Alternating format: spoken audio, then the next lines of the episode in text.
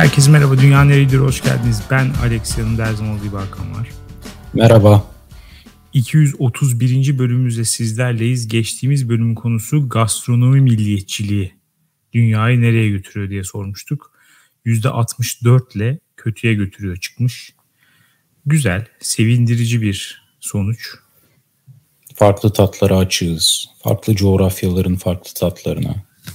Evet, olması gerektiği gibi e, bilmeden oturduğumuz yerden işkembeden atmıyoruz. Hmm.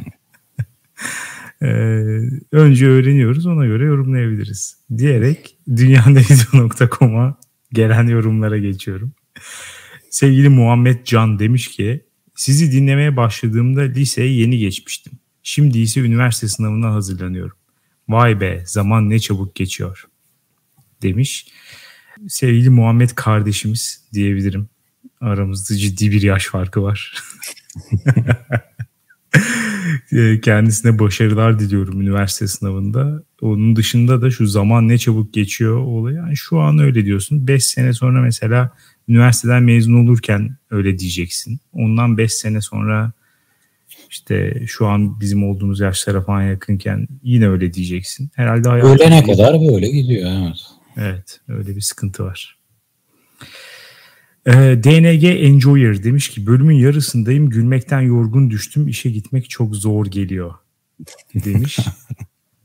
sonra kalan yarısını dinledikten sonra bir yorum daha yapmış. Demiş ki isteyen istediğini yesin kimseye bir şey demiyorum diyen Alex'in maskesinin düştüğü kısımlara bayıldım. ee, maskem düşmedi ya. Yani yine isteyen istediğini yesin. E, demiş ki az pişmiş et için yapılan klişe şakalardan yakındıktan sadece bir dakika sonra çok pişmiş ete kayış gibi demesi ve sonradan toparlamaya çalışması mükemmeldi.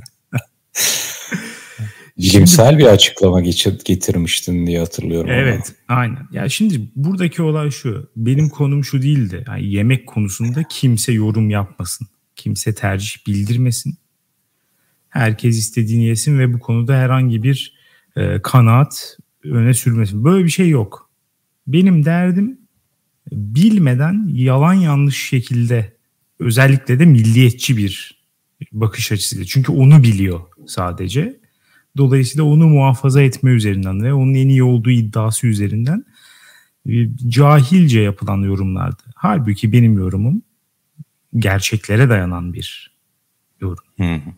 Çok senin, etin kayış gibi olması bir gerçektir. Ha, senin bilgine, bilgi dağarcığına ben kefilim yemek konusunda. Biliyorsun son senelerde sen bir gurme oldun. Evet teşekkür Fakat tabii benim kefaletim nasıl bir e, önem arz eder burada onu bilemiyorum. Çünkü ben bilgisizim. Evet, olabilecek en bilgisizlerden biriyim. Dolayısıyla Şayet kabul edersen kefil olurum sana ama bu senin duruşunun altını oyacaksa benim kefilliğim kefiline bak işte demek bir şey bilmiyor denecekse o zaman hayatımıza böyle devam edebiliriz olmaya da bilir. Ben şıracının şahidi bozacı olma tehlikesine rağmen senin kefaletini kabul ediyorum. Biliyorsun e, duayen Ünal Aysal'ın bir sözü vardı. Ben futboldan anlamam ama futboldan anlayandan anlarım. Sen de bunu uyarlayabiliriz. Evet. bu arada e, aslında senin kefaletin önemli çünkü bu arkadaş son olarak sana bir soru sormuş. Demiş ki Heinz mayonezle tat mayonezi ayıramayan bir adam gurme olabilir mi demiş. Burada ama çok ciddi bir hata var. Ben ayıramadım değil. İkisini ayırdım. Tatma edesin daha iyi. Buradaki sorun şey değil hani ya kan numara yapma ikisini aynı koymuşsun demedim yani ayırdım ikisini. ya, ya ve şunu da biliyoruz ki en bilgilimiz bile ön yargılardan azade değildir. Bravo kesinlikle. Ee, Bünyamin Tetik demiş ki Türkiye'de temel sorun şu. Tamam çok güzel zeytinyağlı yaprak sarmamız var ama bunu dışarıda yiyebileceğin bir yer yok. İstanbul dışında dışarıda kebap dışında bir şey yiyebileceğin yer yok neredeyse demiş. Yani biraz abartılı olmakla birlikte ana fikre katılıyorum ben. Yani hmm. yaprak sarma dışarıda çok güzel yiyebileceğin yerler var ama bir standart çok yok. İkincisi de böyle restoran da çok yok gerçekten.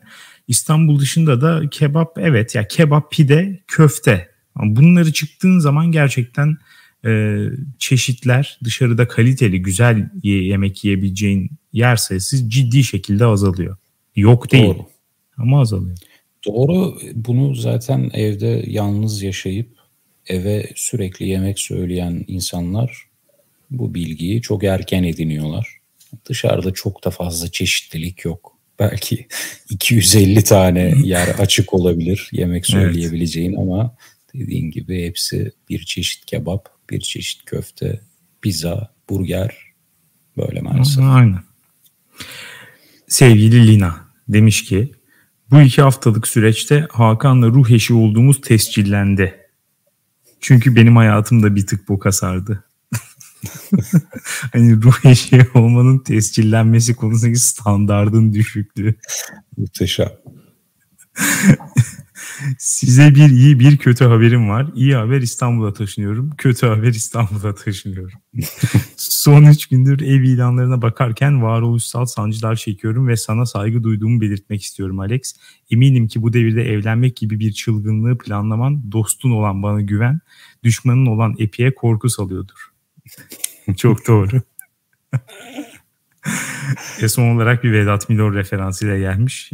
Bu arada unutmadan söyleyeyim en sevdiğim tatlı Hakan'ın dudakları.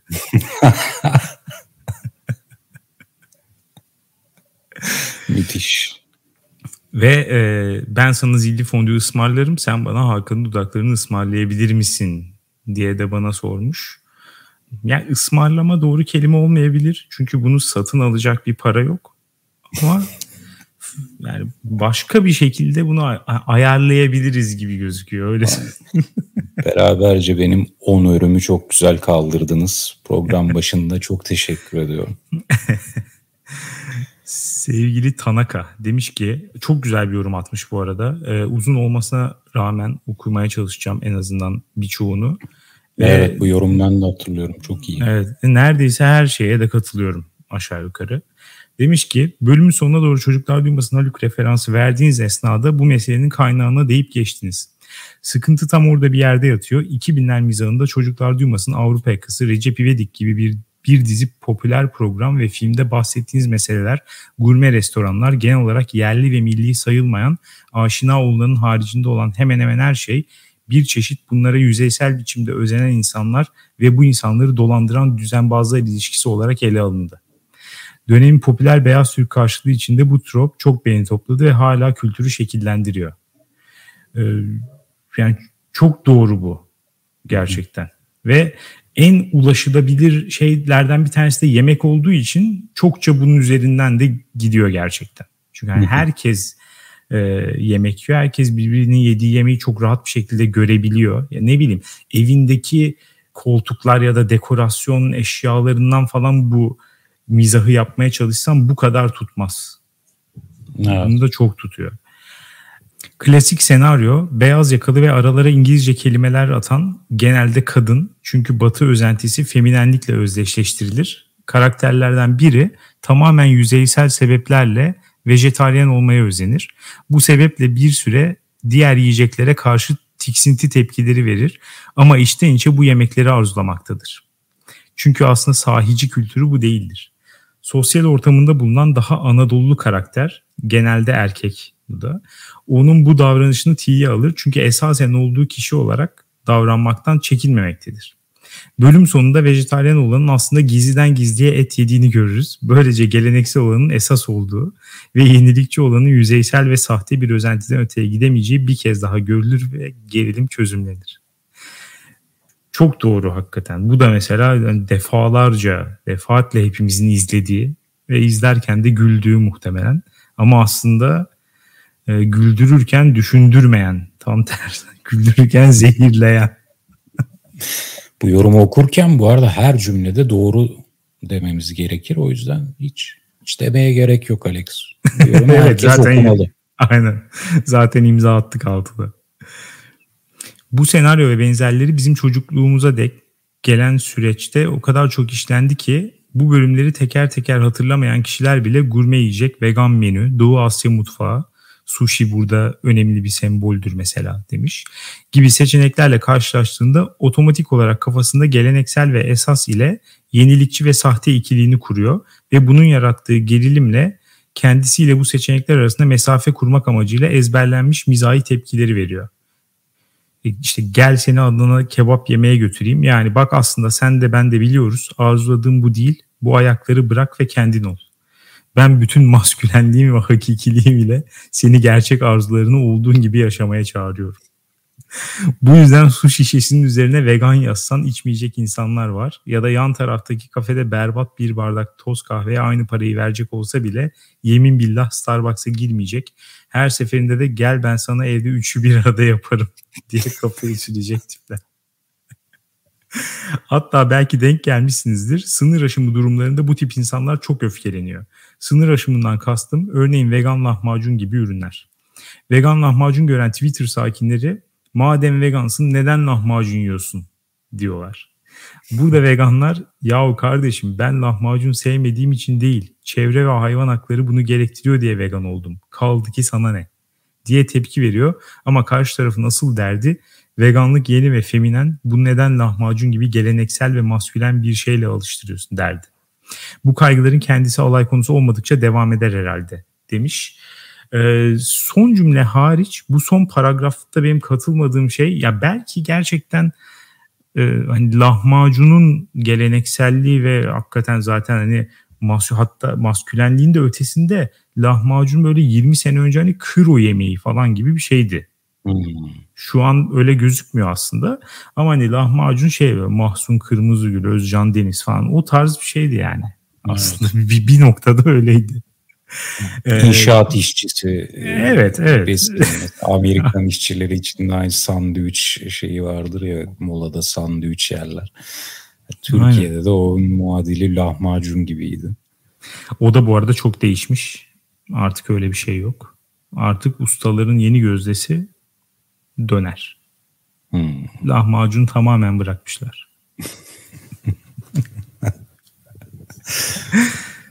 Ee, ya burada evet belki lahmacun hani ekstra tepki yaratan bir şey olabilir ama bu tepki asıl yaratan ne olduğundan emin değilim. Bence burada daha çok hani sahicilik muhabbetinden daha e, fazla bir şey var. Çünkü aynı konu gerçekten e, şeyde de oluyor. Hamburgerde de oluyor.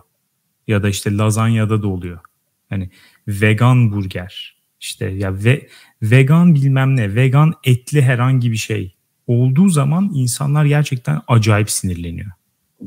Bence sinirlenmesinler. Bunu saydığın ürünlerin hepsini yemiş biri olarak söyleyebilirim ki ya hepsi muhteşem.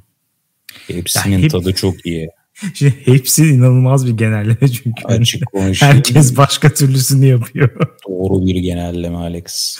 Doğru bir genelleme bu dediğim. Abi, yani her restoranda iyi değildir muhtemelen. yani ya çok kötü bir vegan restoran veya bunu yapan bir işletme olması lazım. Gerçi şu ankiler tabii şöyle bir avantaj da var. Hani vegan restoran birisi açanın tek hedefi şu an şu olamaz. Yani ben insanları sadece hani doyurayım, parama bakayım evet. falan. Öyle değil. Onlar biraz daha şu özel an hani mi? evet özel ve lezzetli yemek yapmaya ekstra uğraşan insanlar. Ee, evet. o, o yüzden oransal olarak vegan yemeklerin dışarıda daha lezzetli olma olasılığı yüksek. O yüzden bana o yüzden doğru bir genelleme yaptın der misin bana? o yüzden doğru bir genelleme. Çok teşekkür ediyorum. Çok naziksin. ee, son olarak Sincap demiş ki falafelin Türkiye'de beyaz Türk işi olarak değil ucuz mekan olarak popülerleşmesi ve bu muhteşem yeşilci vegan güzel yemeğe rahat erişimimiz Suriye'den gelen sığınmacı mutfak sayesinde zuhur etmiştir. Gastronomi milliyetçiliği dünyayı kötüye götürüyor. Falafeller memleketine geri dönmesin demiş. e, bu talebi lütfen sevgili Ümit Özdağ yapın. Bizim zaten falafelle hiçbir derdimiz yok. Ama bu arada e, şu da mesela kendi açımdan bir zayıflık olarak görüyorum. Yani bu kadar yoğun bir Suriyeli göçü almış bir şehirde ve hani 10 yıldan beri çok yoğun bir şekilde göç almış ve bir sürü iyi olduğu söylenen Suriyeli restoran, Suriye yemeği yapan restoranlar falan da var. E, hiç gidip denemedim. son birkaç aydır bunu düşünüyorum. İyi örneklerini falan deneyeceğim yani. Merak ediyorum. Sebebi basit.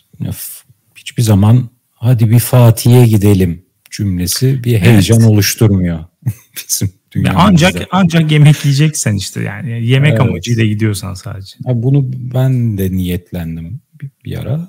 E, yapalım dedik ama olmadı. Çünkü o heyecan hiçbir zaman oluşmadı. O zaman Hakan haftaya gidiyoruz. Hadi gidelim be. haftaya gidiyoruz ve bir hafta sonra da izlenimlerimizi paylaşıyoruz. En iyi yerleri bulmayı sana bırakıyorum bir gurme olarak. Bulacağım. Buldum bile hatta zaten. Hmm. Evet. Güzel. Konularımıza geçebiliriz. Konularımıza geçerken bir e, adeta dostluk tazeledik son dört günde. Evet. Bir sevgi tazeledik beraber tatil yaparak. Evet. İşte muhteşem günlerdi ama zaman çok çabuk geçiyor sevgili Muhammed kardeşimizin söylediği gibi. Maalesef tatilimiz de bitti ve geri dönmek durumunda kaldık. Maalesef. Maalesef döndük. Fakat konumuz da buradan çıktı. O da şu ki çiftlerle beraber tatile gitmek. Derken yani tatile şöyle gittik. Sen hocam çifti, dişil tasma çifti, hı hı. ben ve ben. Evet. Çifti. evet. Ee, bekar çift. Bekar çift. İşte o kadar içselleştirdin ki e, bu toplumsal baskıyı, çift olma baskısını bekar çift olarak kendini evet. adlandırıyorsun. Ancak öyle var olabilirim. Bir yerimden çift olmam lazım. Ne yapayım? Başka türlü bana bir, bir yaşam imkanı sunulmuyor. Senin için iyi bir deneyim miydi ee, iki çiftle tatile gitmek? Bu, bu hiçbir zaman hiçbir bekar için iyi bir deneyim olmadı. Olmayacak Alex. İnanamıyorum. Böyle dediğine inanamıyorum gerçekten. Ya burada bu sizin suçunuz da değil. Burada doğa kanunları devreye giriyor. İçten içe e, benimsediğimiz, içselleştirdiğimiz haklar kavramları devreye giriyor. Önce doğa kanunundan başlayalım istersen. Tabii. Nasıl bir atom bir atomla birleştiği, molekül olunca o molekül başka birine çekildiği gibi çiftler de çiftlere çekiliyor. Evet. Bu doğanın kanunu gibi. Hiçbir makul açıklaması da yok bunun kusura bakmayın. Ee, bir masaya oturuyoruz mesela. Ya siz ne kadar orada beni bekarlığımdan dolayı dışlamamaya çalışsanız da bir şekilde muhabbet çiftler arasına kayıyor. Çünkü o çiftin ayrı bir grubu da var oluyor. Orada dönen muhabbetler oluyor. Ve bir şekilde çiftler birbirlerine çekiliyor. Tatil içinde zaman zaman e, bu da son derece doğal. Çiftler hani kendi partnerleriyle beraber zaman geçiriyor. E orada evet. bekar olan neyle zaman geçirsin? Yani uzaklara bakıyor. ya bu tarz şeyler kaçınılmaz olarak oluyor. Ya hiçbir zaman beş insan iki çift artı bir bekar olarak gittiğinde hepsi eşit derecede mutlu olamaz. Bekar olan her zaman en mutsuz olacaktır. Ya bu belki evet doğru olabilir ama geri kalan kısımda biz elimizden geleni yaptık diye düşünüyorum. Yani bir çift kendi arasında vakit geçiriyorsa diğer çift nöbetçi olarak seni Bak bak görüyor musun? bak görüyor musun? Ya şu bile ne kadar aşağılayıcı bir şey işte. Zaten ya baştan kaybediyorsun. Ya sana böyle bir muamele yapılmaya özen gösterilmesi bile ya seni bir aşağılıyor. Yani engelliler öyle hisseder ya. Onlara ekstra bir ihtimam. Ekstra bana bir acımayın. Ah, evet bana acımayın der ya. Bekar da aynen onu hissediyor bu tarz durumlarda. Evet o kısım gerçekten kaçınılmaz. Öbür dediğine de genel olarak şeye katılıyorum. Çiftler gerçekten daha fazla çiftlerle takılmaya başlıyor. Bunun sebebini ben de anlamıyorum. Buna elimden geldiğince direnmeye çalışıyorum. E, çünkü double date olayını hiç sevmiyorum. Hmm. Yani bende de böyle bir şey var. İlginç. İlginç. Bu, bu konuda çok ayrıksı otsun. Evet Genel onu olarak. fark ediyorum. Aynen onu fark ediyorum. Ee, ama gerçekten çok fazla hoşuma gitmiyor. Böyle bir müsamereymiş gibi hissediyorum double date olduğunda. Hmm. İlginç. Ve o çünkü önden işte o double date yapacağız. Evet. O müsamere oradan geliyor olabilir. Yani doğal yollarla gelişmedi bu. Bir plan program ve yani çiftler ne yapar? Çiftlerle buluşur. Yani bu tarz bir kurgu sal yapı olduğu için herhalde öyle geliyor bilemiyorum. Ya olabilir. Bir de bence her zaman e, başka insanlar olması dinamiği daha e, ilginç hale de getirebiliyor gerçekten. Yani hmm. e, bir çift diğer çiftle buluştuğu zaman daha e, stabil bir e, denklem oluşuyor. Ama mesela oraya iki tane de alakasız bekar arkadaş koyalım mesela. Çok daha ilginç bir sohbet olacağına eminim. Şimdi burada bir katılıyorum sana. Ama iki belki de bu yüzden çiftler birbirine çekiliyor. Ya çiftler dünyasında bekar tehlikeli bir madde. Yani. Şimdi o da adamına göre değişir kardeşim. Etrafımızda ırz düşmanı tutmak istemeyiz. Hayır böyle bir korumacı bir içgüdü de olabilir. İçten içe evrimsel olarak içimize işlemiş bir bekar karşıtlığı olabilir. Yani tekinsiz tip imajı. Yani evet, niye de... bu kimse bunu hayatına sokacak kadar değer vermemiş buna. Demek bunun değeri olmayabilir. Tarzı bir ön yargı mı var genlerimizde nedir? Bir de şöyle bir şey de var. Bu şu anki hani bu nesilde çok fazla gözlemlemiyorum bunu ama bizden bir önceki ve daha önceki nesillerde şu da vardı. Mesela e, bir kadın birisiyle evlendiği zaman eşinin bekar arkadaşlarıyla çok fazla görüşmesini istememe olayı. Bunu mesela böyle annemden, teyzemden, halamdan bilmem bunlardan çok fazla duydum. Şu an böyle bir şey görmüyorum hiç. Belki hani yaşıyordur başka e, sosyo-kültürel ortamlarda. Ama eskiden bir de böyle bir muhabbet de vardı hani. İşte onlar bekar artık onlarla hani görüşme. Daha az görüş. Hani akşam onlarla dışarı çıkma.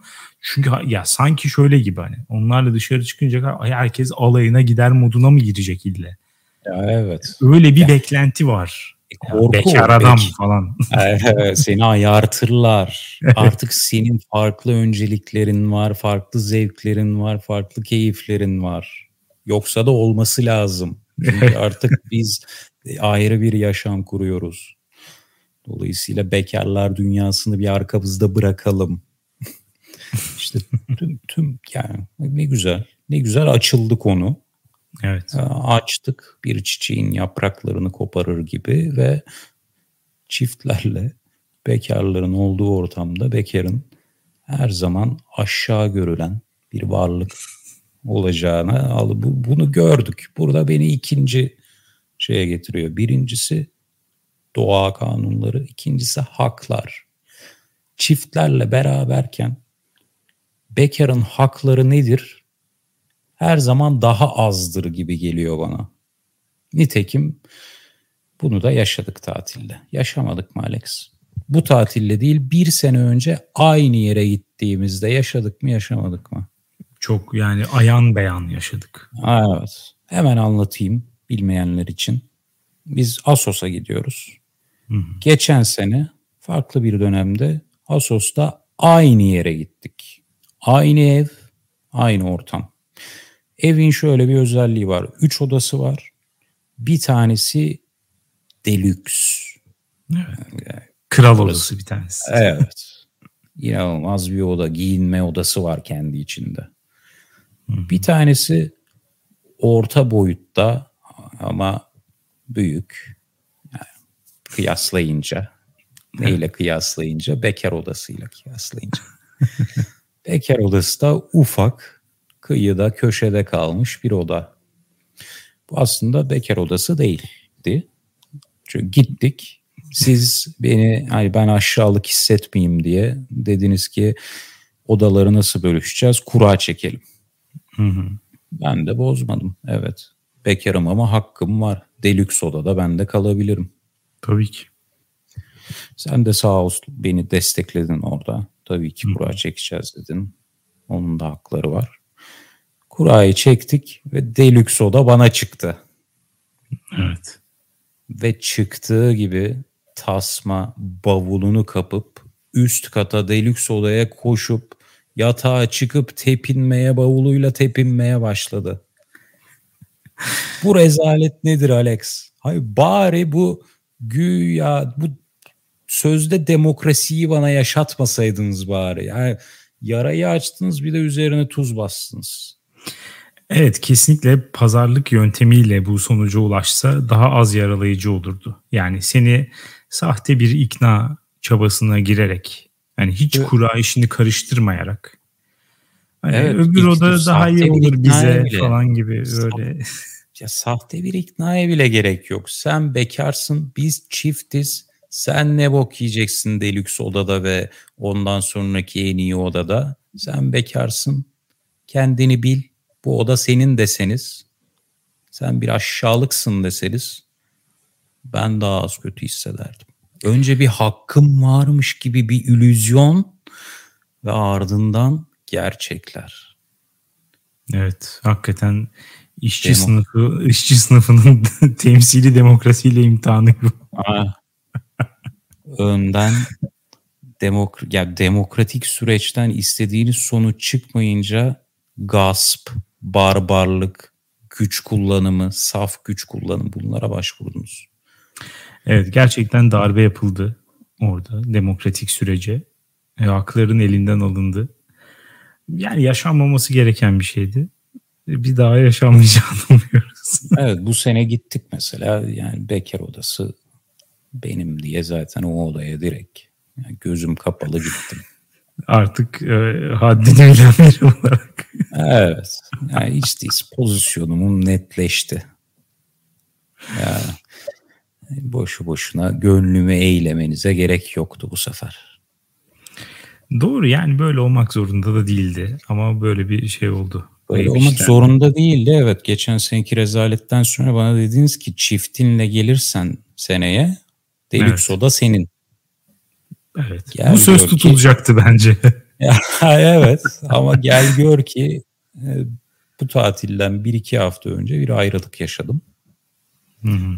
Bunun, bu ayrılığın da o tasma bavulunu at, alıp deluxe odaya koştuğu anda bu ayrılık bence dünyada sabitlendi. Bu ayrılığın gerçekleşeceği o an belirlendi gibi hissediyorum. Üzerine bir lanet kondu senin. Evet. Bekar laneti. Bu laneti yırtıp atacaksın bence çok yakın zamanda. Yok şu an hiç öyle bir niyetim yok. Ee, diğer bir double date'e de değinelim. Ee, Aşksız Prens arkadaşımız vardı ya bundan hı hı. iki bölüm önce konuk gelmişti. Evet. Onunla sonunda dedik ki bir double date yapalım. Hı hı. Çıktık, gittik rakıya. Muhteşem bir gece. Çok eğlenceli. Keyifler, kahkahalar, muhabbetler aktı. Ardından onlar insan çiftleri gibi, normal çiftler gibi kalkıp evlerine geçtiler.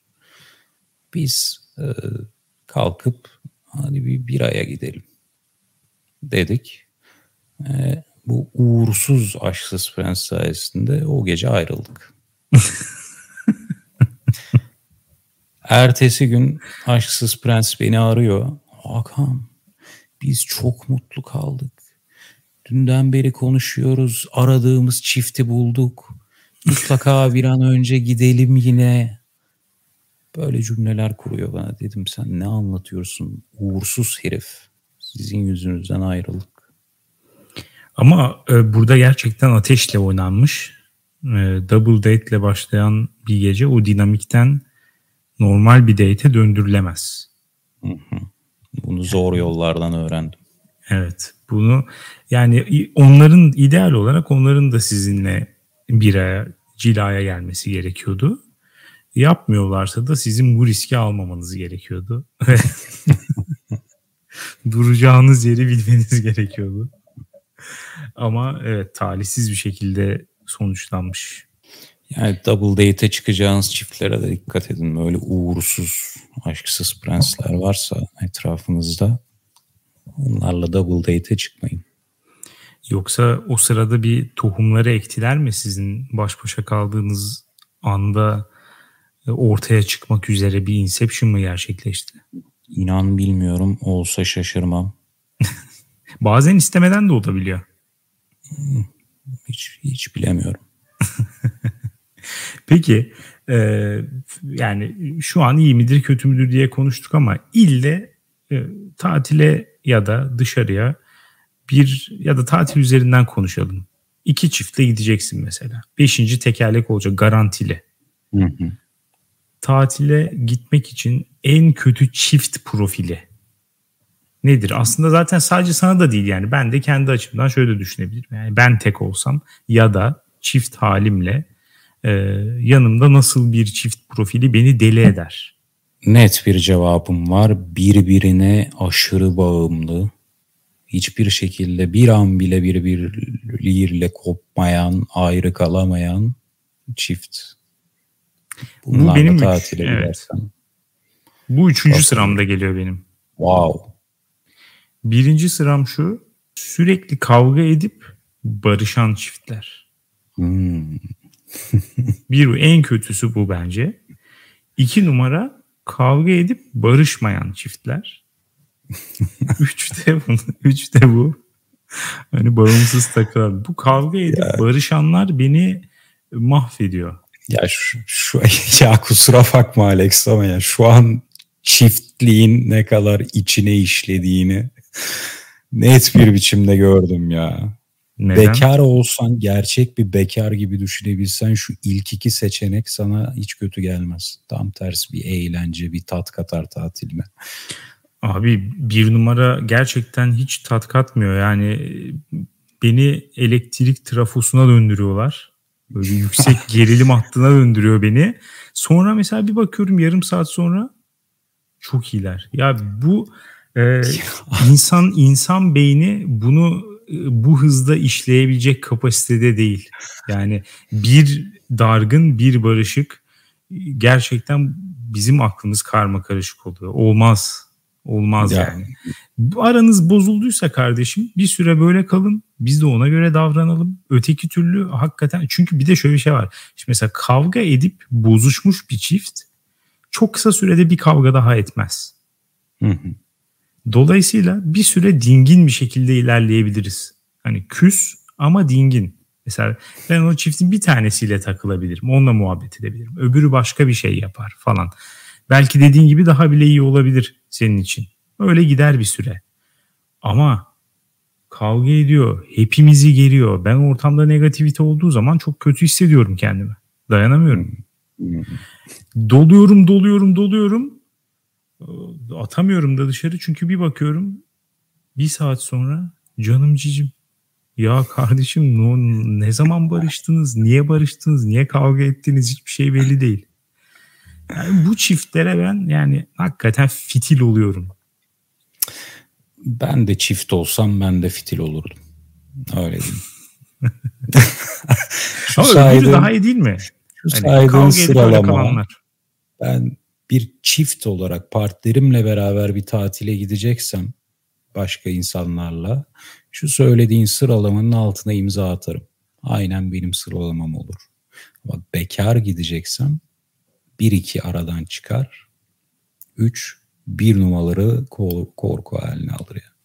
Çünkü işte bekarsan şu potansiyel bile var bak. Kavga ediyorlar, barışıyorlar, kavga ediyorlar ama o kavga ettikleri anda bir gece bir tanesinin yanına gidersin, ilişkiyle ilgili bir bilgiler edinirsin, karşı tarafı gömersin. Ötekinin yanına gidersin, onunla yapma ya öyle mi farklı bilgiler alıp karşı tarafı gömebilirsin. Bu tarz bu tarz şeyler olabilir. Mesela sen de partnerinle beraber oradaysan bunu yapamazsın. Çünkü kimse gidip bir çifte açılmaz partneriyle ilgili. Bir bekar açılabilir ama. Samimiyet durumuna göre çifte de açılabilir. Yani hani kimin arkadaşı nedir? Sonuçta bütün çiftler de birbiriyle eşit arkadaşlıkta olamıyor. Hmm. Yani muhakkak orada bir şey var. Hani kaynak asıl arkadaşlık hmm. kaynağı var. Bizde belki Veya... bir öyle bir ayrıksı bir durum var da. ya eğer şimdi partnerin varsa o kavga eden çiftin ilişkisini konuşurken sürekli bir aklın kendi ilişkine gider. Kuracağın cümlelere dikkat etmek zorunda olursun. O bunu yapıyor. Allah kahretsin dedi. Ya çok haklısın ya bazen benim partnerim de öyle yapıyor. Ben de çıldırıyorum ama biraz sakinleş bir gün dönünce yani bu konuda daha sakin bir şekilde oturun konuşun şöyle defa. Ya bunları diyemezsin şimdi. ya bunları diyemezsin. diyemezsin Sen de ipin ucundasın çünkü. Ya işte bekarın rahatlığı var. Bekarlığın da böyle bir rahatlığı var. Ya bütün bunları sen anlatırken hep içime dolan his şu ben şu konuşmayı yapmaktan nefret ederim zaten ya. Onu farkına vardım şu an. Şu an sen bu örnekleri anlatırken bile gerim gerim gerildim yani. yani kimseye böyle o ilişkisiyle ilgili kavgalıyken gidip de bir şeyler söylemek falan böyle ya da onun bana gelip onları o şeyle anlatması falan o kadar benim canımı sıkar ki. Ya şu söylediğin de zaten yine bütün konuştuklarımızı birleştiriyor. Alex sen hayatında zaten ne zaman bekar oldun ki? Sen yani sen çiftlik senin içine işlemiş. Sen bekarlığı bilmezsin. Ya ben e, gerçekten pozitif bir insanım.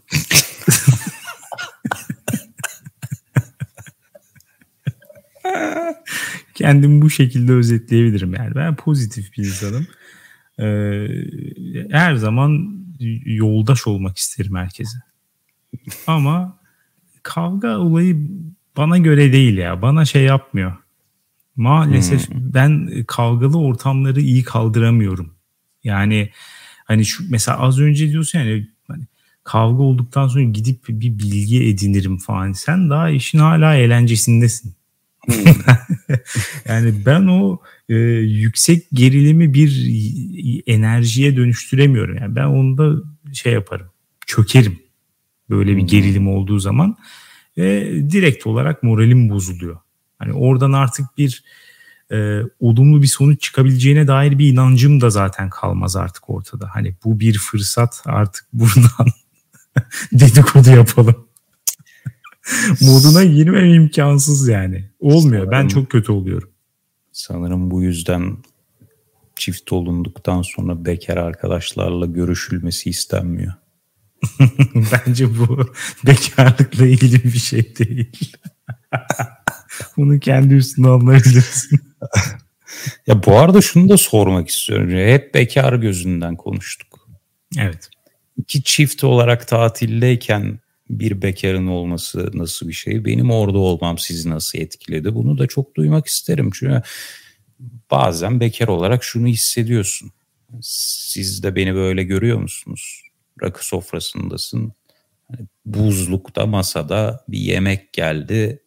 Nereye konacak? Ya şu buzluğu şu masadan bir alsak mı ya? Bu biraz fazla burada. Tamam arada iyi hoş da yani istiye iş Anladım. Evet. Ee, yok ya benim için hiç böyle değil. Yani ben en başta söylediğim gibi double date'den gerilen bir insan olduğum için hani artı bir kişinin olması bana ekstra keyif veriyor. Ha bunu sen olduğun zaman ekstra bir keyif veriyor. Oh. Bu özelde konuşuyorsak. Ama yani şey olarak gerçekten double date'e neden bu kadar e, gergin olduğum, gergin yaklaştığımı anlamaya çalışıyorum. Bunu bulamıyorum. orada orada bir şey var ama onu onu gerçekten bulamıyorum. Böyle biraz şey gibi mi geliyor acaba? Yani e, biraz hani önceden belirlenmiş bazı konular var sanki double date'te çıktığımızda hmm. ve bunlar üzerinden hani tik atılarak geçilecek bu standart konular. Yani sizde nasıl konuşuluyor? Sizde nasıl konuşuluyor? Yani en sevmediğim tarz muhabbettir yani. yani bu kadar düzenli bir şekilde giden. Ee, biraz beni o geliyor olabilir. Bunu tabii şeyi söylemiyorum. Ee, bazı şeyler double date'ler herkes birbirinin arkadaşı olmuş artık zaman içerisinde. Onlar hani şeye dönmüş artık. Yani dört tane alakasız insan buluşmuş, dört arkadaş buluşmuş gibi oluyor. Evet. Onları saymıyorum ama biraz daha hakikaten hani bir çift ve bir çift buluştuğu zaman ben bu sebeple e, geriliyorum. Böyle işte tırnak içinde tatlı tatlı kendi eşini işte çekiştirme, onun üzerinden bir işte mizah falan. Yani sanki bir noktada şeye dönüyor gibi. Yani bizim herif de şöyle falan. Fazla insan olmasından da olabilir. Sonunda dört kişisin. Bire bir buluşsan oradaki herhangi biriyle her şeyi konuşabilirsin. Yani muhabbet nereye giderse gidebilir.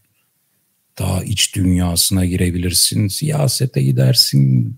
Oradan zıplarsın. Bilime gidersin. ya Her yere gidersin. Evet, şimdi çift olunca herkesin konuşmak isteyeceği konuyu bulmak zor. Dolayısıyla işi kolaya kaçıyor. Yani scale büyüyor.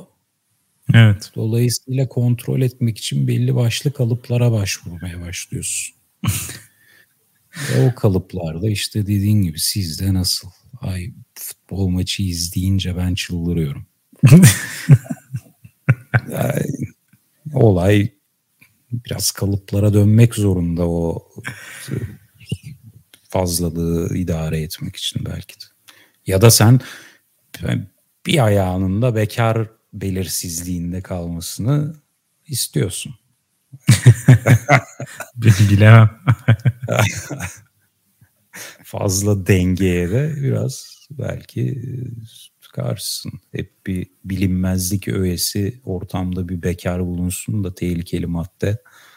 Evet, stabiliteye karşıyım. Evet, o kalıpları kırabilsin o.